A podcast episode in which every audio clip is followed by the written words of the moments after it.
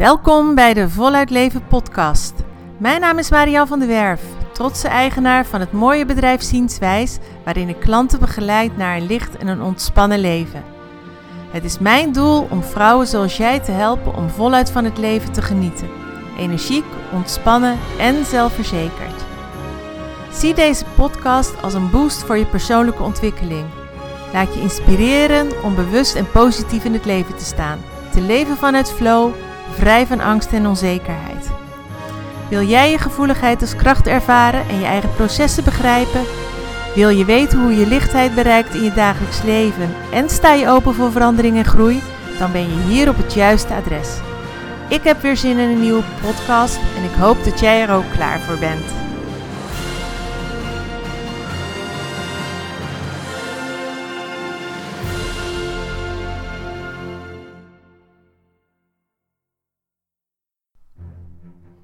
Als je lekker een dag aan het werk bent geweest, je bent actief geweest, je hebt je doelen bereikt, je planning is af, je bent lekker actief geweest, je zat in je ritme en in je flow, dan heb je s'avonds een voldaan vermoeid gevoel. Of als je een dag weg bent geweest, bent wezen fietsen, bent wezen wandelen, je hebt, bent lekker wezen sporten, ook dan voel je je soms heel moe, maar heb je ook een voldaan gevoel. Dat is een gezonde manier van vermoeid zijn. Helaas zijn er heel veel mensen die niet die gezonde manier van vermoeidheid voelen, maar die een chronisch last van vermoeidheid hebben. En maar liefst 29% van de Nederlanders loopt rond met lichte tot ernstige vermoeidheidsklachten. En 14% daarvan heeft zelfs burn-out verschijnselen. Dit geeft wel aan hoe ernstig we vermoeidheid nog onderschatten als het niet de goede manier is van moe zijn en hoe lang we door blijven lopen. Voor mij een reden om in deze podcast is in te zoomen op oorzaken van vermoeidheid. Want als je de oorzaak ervan weet, kun je er iets aan doen. En ik heb er maar liefst negen voor je die ik zo meteen ga uitleggen. Zelf kan ik me ook een af en toe heel erg vermoeid voelen. Soms van de een op de andere dag sta ik op en dan komt er niets uit mijn handen. Uh, het eerste wat ik dan altijd doe is kijken, hé, hey, waardoor voel ik me nu zo? Ik heb niet de weerstand er tegen. Ik ga niet forceren of me dwingen om actief te zijn. Maar ik wil wel heel graag weten wat er aan de hand is. Want dan kan ik er iets aan doen en dan weet ik ook wat ik ermee moet doen. Ik heb namelijk ook de andere kant, de, de heftige kant van de vermoeidheid meegemaakt. Dat ik een gigantische zware burn-out terecht ben gekomen. Natuurlijk had ik die klachten al veel en veel langer, maar ik heb ze gewoon genegeerd en ik heb er ook niets mee gedaan. Met als gevolg dat ik jarenlang een burn-out-achtig gevoel heb gehad, maanden als een dood vogeltje op de bank heb gezeten en letterlijk een aantal dagen zelfs niet meer kon lopen. Dat gun ik helemaal niemand. Vandaar dat ik het belangrijk vind om jou de oorzaken aan te reiken van vermoeidheid. Want als jij je vermoeid voelt en je zit niet goed in je vel en je merkt dat je er niet uitkomt, dan kun je hopelijk met mijn podcast naar een oorzaken gaan zoeken en er iets mee gaan doen. Heel vaak wordt gezegd, zelfs bij een burn-out, even tot rust komen, even een paar nachten goed slapen en dan is het wel weer over. Nou, in enkel geval lukt dat. Als je te maken hebt met de eerste oorzaak. En dat is een hele logische. Je nachten zijn te kort. Je maakt niet genoeg slaap of uren of je nachten zijn gebroken. Als je bijvoorbeeld een klein kindje hebt wat steeds wakker wordt, dan kun je daar gewoon op dat moment niet zoveel aan doen, maar je raakt wel vermoeid. Of je gaat te laat naar bed, je bent te vroeg wakker of je bent tussentijds veel wakker. Kijk dan of je tussendoor een powernapje kunt doen of dat je iets aan die nachten kunt doen. Ga wat eerder naar bed, zet de tv wat eerder uit, zet je wifi eerder uit. En um, zoek een rustige ontspanning, zodat je wat eerder kunt gaan slapen en dat je wat meer slaapuren maakt. De tweede is dat vermoeidheid ook een lichamelijke oorzaak kan hebben. Het kan zijn dat je bloedarmoede hebt. Het kan zijn dat er een sluimende ontsteking in je lichaam is. Dat je schildklier niet helemaal goed werkt. Als je merkt dat je langer dan een paar weken vermoeid bent, ga dan eens naar de huisarts en vraag of je bloed kunt laten prikken. Bespreek het even met hem, want zo kun je of achter een lichamelijke oorzaak komen, of je kunt sowieso ook dingen uitsluiten. Maar ga altijd even langs de huisarts als je je langer dan een paar weken vermoeid voelt. De derde oorzaak is dat je voorbij gaat aan je biologische klok, aan je eigen bioritme wat in jouw systeem zit. Je weet ongetwijfeld dat er ochtendmensen en avondmensen zijn. Ben je iemand die vroeg al heel actief is of slaap je liever wat langer uit en ben je meer een avondmens? Maar wat je misschien nog niet weet, is dat er wel vier typen zijn te onderscheiden. We noemen die ook wel beren, leeuwen, wolven en dolfijnen. En ieder type heeft zijn eigen dag- en nachtritme. Dat wordt bepaald door een deel van je hersenen. Daar zit je biologische klok namelijk. Zo is de beer vanaf een uur of acht, half negen in de ochtend pas goed aanspreekbaar, terwijl de leeuw al voor dag en dauw actief is. Maar de leeuw begint vroeg, maar om rond een uur of acht, half negen, dan moet je niet meer te veel verwachten van de leeuw, want dan sukkelt hij weg. Terwijl wolven pas soms rond de middag op hun scherpst worden en goed wakker zijn, maar die kunnen dan weer tot diep in de nacht bij wijze van spreken doorwerken. Als je een ritme hebt wat totaal niet aansluit bij je biologische klok, kost dat veel energie. Nu heb ik de mazzel dat ik zelfstandig ondernemer ben. Dus ik begin altijd wat later, maar ik kan ook echt wel s'avonds lekker lang doorwerken. Ik ga, als ik doorga tot een uur of twee, drie, dan wordt het te lang. Dan gaat het ook weer ten koste. Ik ben meer een beer. En eigenlijk ben ik een dolfijn, omdat ik uh, een heel verstoord slaapritme heb. En dolfijnen slapen maar met één hersenhelft. Dat is eigenlijk de enige niet fijne, niet gezonde manier van slapen als je een dolfijn bent. Die andere drie zijn op zich helemaal prima, tenzij je leefritme er niet bij aansluit. Stel je voor dat je um, een, een uh, wolf bent. Dus echt een avondmens. En je moet iedere dag om kwart over zes op. En er wordt van je verwacht dat je echt om acht uur al heel actief bent in de ochtend kost je dat gewoon heel veel energie. Als het mogelijk is en je bent bijvoorbeeld een beer en je wil, moet wel heel vroeg beginnen, kijk dan eens of je wel de activiteiten waar je je hersenen het meest bij nodig hebt, wat kunt uitstellen of je het wat meer kunt verspreiden. En ga bij jezelf gewoon ook eens kijken: wanneer ben ik nou het meest actief op de dag? Wanneer voel ik me het fitst? En is het mogelijk om dan hetgeen waar ik mijn hersenen en mijn energie het hardst voor nodig heb, om dat dan te verplaatsen naar dat deel van de dag, zodat je er wel een beetje op kunt inspelen. De oorzaak 4 is dat je te weinig oplaadmomenten hebt. Net als een batterij moet je na inspanning opladen, zodat je lichaam kan herstellen en je hoofd alle prikkels en gebeurtenissen kan verwerken. Doe je dit niet, dan ontstaan er langzaamaan klachten. Ik vergelijk het wel eens met een restaurant. Hè. Als het continu druk is, dan loop je je benen uit je lijf, maar er moet een moment komen dat de deuren weer dicht gaan. En zo is het ook in je lichaam. Je hebt oplaadmomenten nodig. Ook als je werk doet waar je erg druk mee bent, wat je acht uur per dag doet en het heeft niet je passie, is dat een energievreter. Als je het niet werk is wat je leuk vindt, kost dat energie. Kun je niet anders op dit moment en moet je het blijven doen, zorg dan dat daar wel voldoende ontspanningsmomenten tegenover staan en dingen waar je je passie wel kwijt kunt. Misschien is dat fietsen, wandelen, mediteren, lopen, sporten, bewegen. Maak gelukstofjes aan, maar zorg dat je aan oplaadmomenten komt. Dat je lichaam tot rust komt, dat je lichaam kan ontspannen, maar dat ook je hoofd leeg raakt. Dat je niet blijft doorgaan. De vijfde oorzaak van vermoeidheid is piekeren negatieve gedachten en automatische negatieve gedachten die maar door blijven gaan en die zich maar blijven herhalen. Als er veel in je leven gebeurt wat je niet kunt oplossen of kunt verwerken, dan blijft dat in je hoofd malen. En met name als een gedachte negatief is, is het heel erg een valkuil dat er na dat je 15 seconden negatieve denkt, weer een negatieve gedachte komt. En weer een negatieve gedachte. Hè? Het begint met één negatieve gedachte en op, je gaat er allerlei negatieve dingen bij bedenken, waardoor het probleem alleen maar groter wordt. Bij voorkeur gebeurt dat dus s'nachts. S'nachts ziet alles er nog erger uit als op de dag. Dit kost heel veel energie. Zorg dat je die gedachte weet te doorbreken. Dat er een moment is dat je tegen jezelf zegt: Stop, nu zit ik in die herhalende negatieve gedachten en die helpen me niet. Ik kom niet tot een oplossing, ik kom hier niet uit. Stop hiermee. Wat ik altijd adviseer is: ga kijken of je ergens wel invloed op hebt. Wat zou je wel kunnen doen, waardoor je je in plaats van heel erg ongerust of paniekerig nog wel zorgen maakt, maar wel een stukje hoop krijgt of een stukje activiteit krijgt. Dat je gaat kijken naar kansen, naar mogelijkheden. Waar heb ik wel invloed op? Wat kan ik wel doen? zit je met een issue op je werk? Bedenk dan s'nachts van morgen ga ik daar en daar actie op ondernemen. Of ik ga naar die en die toe, ik ga het vertellen. Ik ga mail sturen, ik ga actie ondernemen.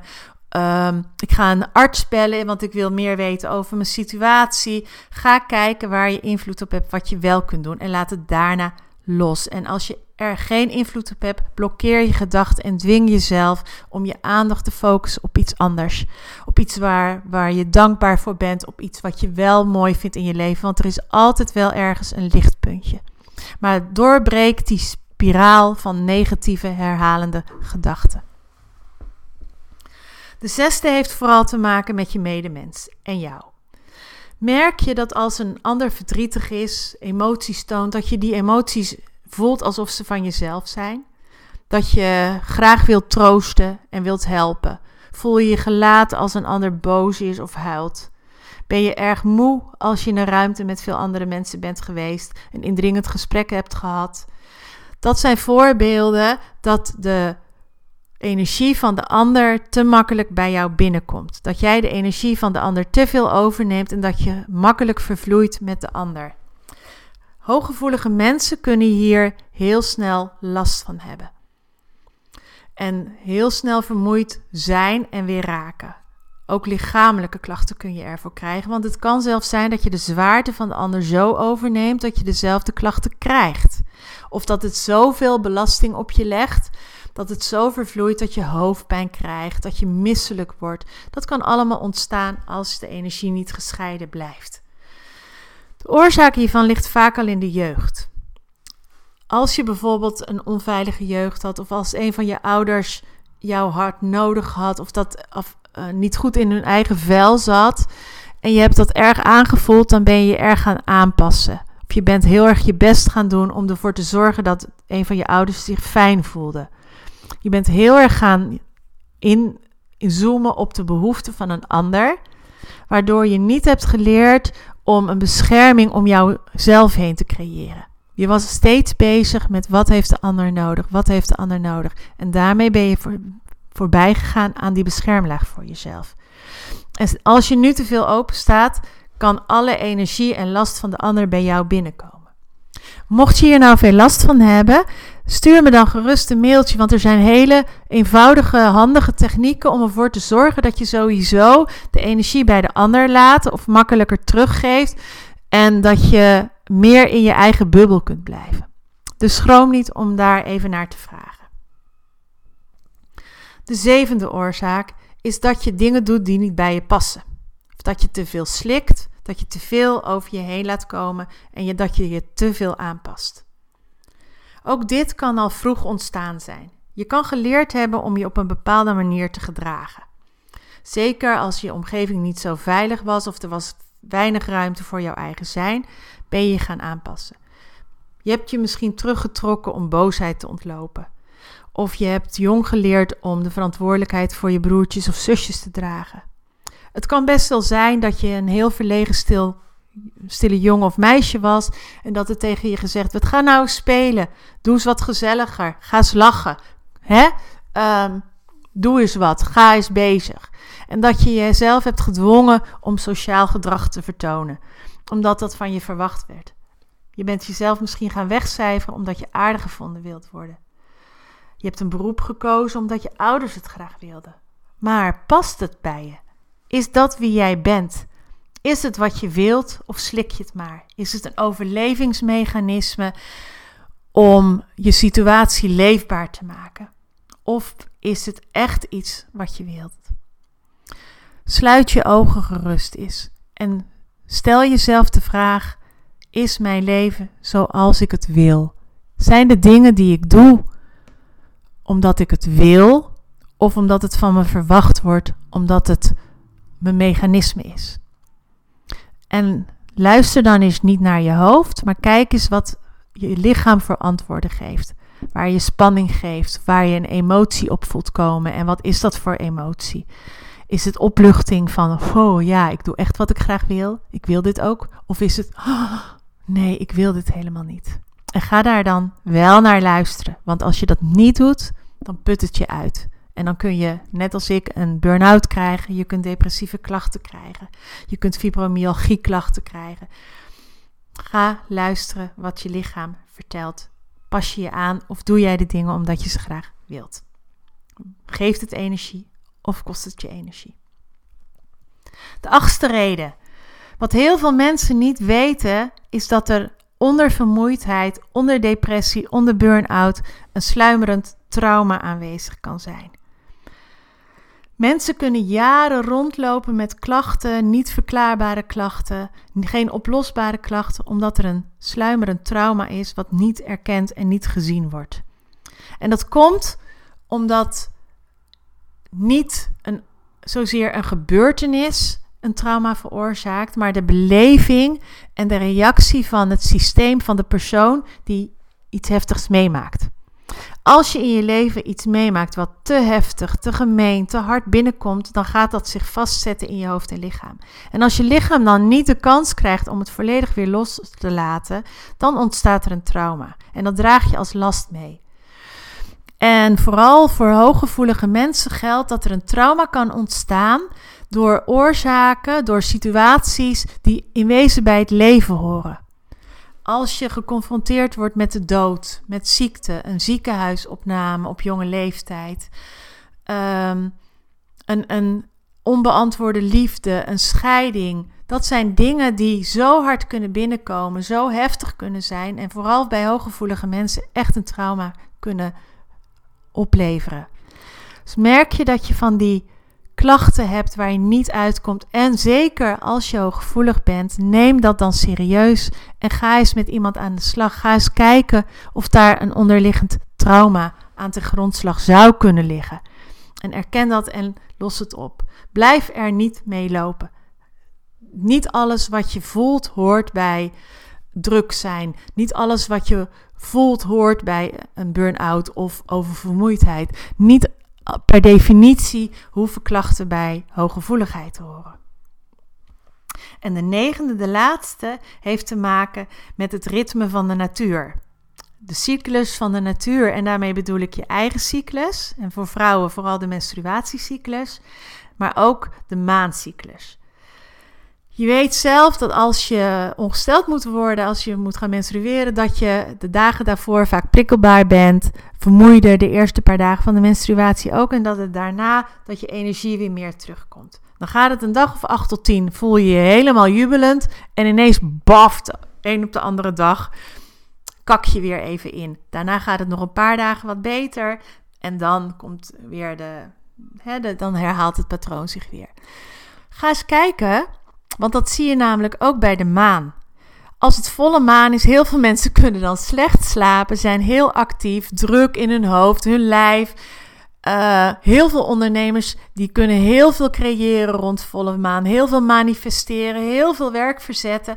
En daarna wordt het minder, minder, minder, minder. En rond nieuwe maan is het een moment om even tot bezinning te komen. Om je even terug te trekken, je kokonnetje in te gaan. Dan wil het allemaal wat minder. Dan is het uh, heerlijk om dingen eens te overdenken. Waar sta ik nu? Om je terug te trekken. Lekker met een kop thee op de bank en een film. Wat dan ook. Nou, en daarna bloei je weer een beetje op. En dan is het nog een beetje sluimerend. En richting volle maan op een gegeven moment merk je dat die activiteit weer toe gaat nemen.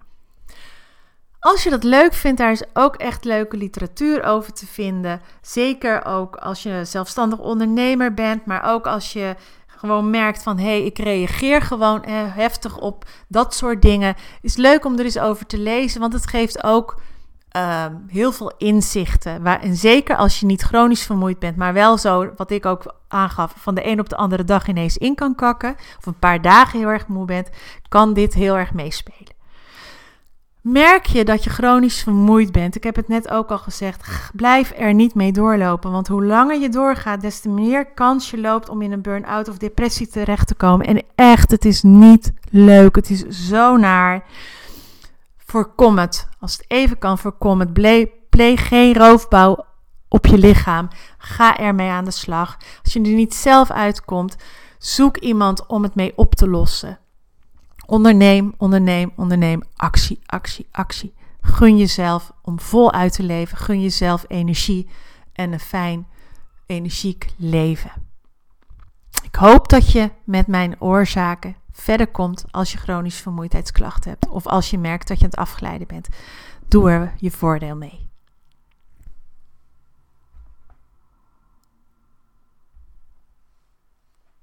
Ik hoop dat deze podcast je verder helpt op je pad en dat je er iets aan hebt. Wil je meer weten of heb je een vraag en opmerking? Mail dan naar marian.zienswijs.nl Dankjewel voor het luisteren en wie weet tot de volgende Voluit Leven podcast.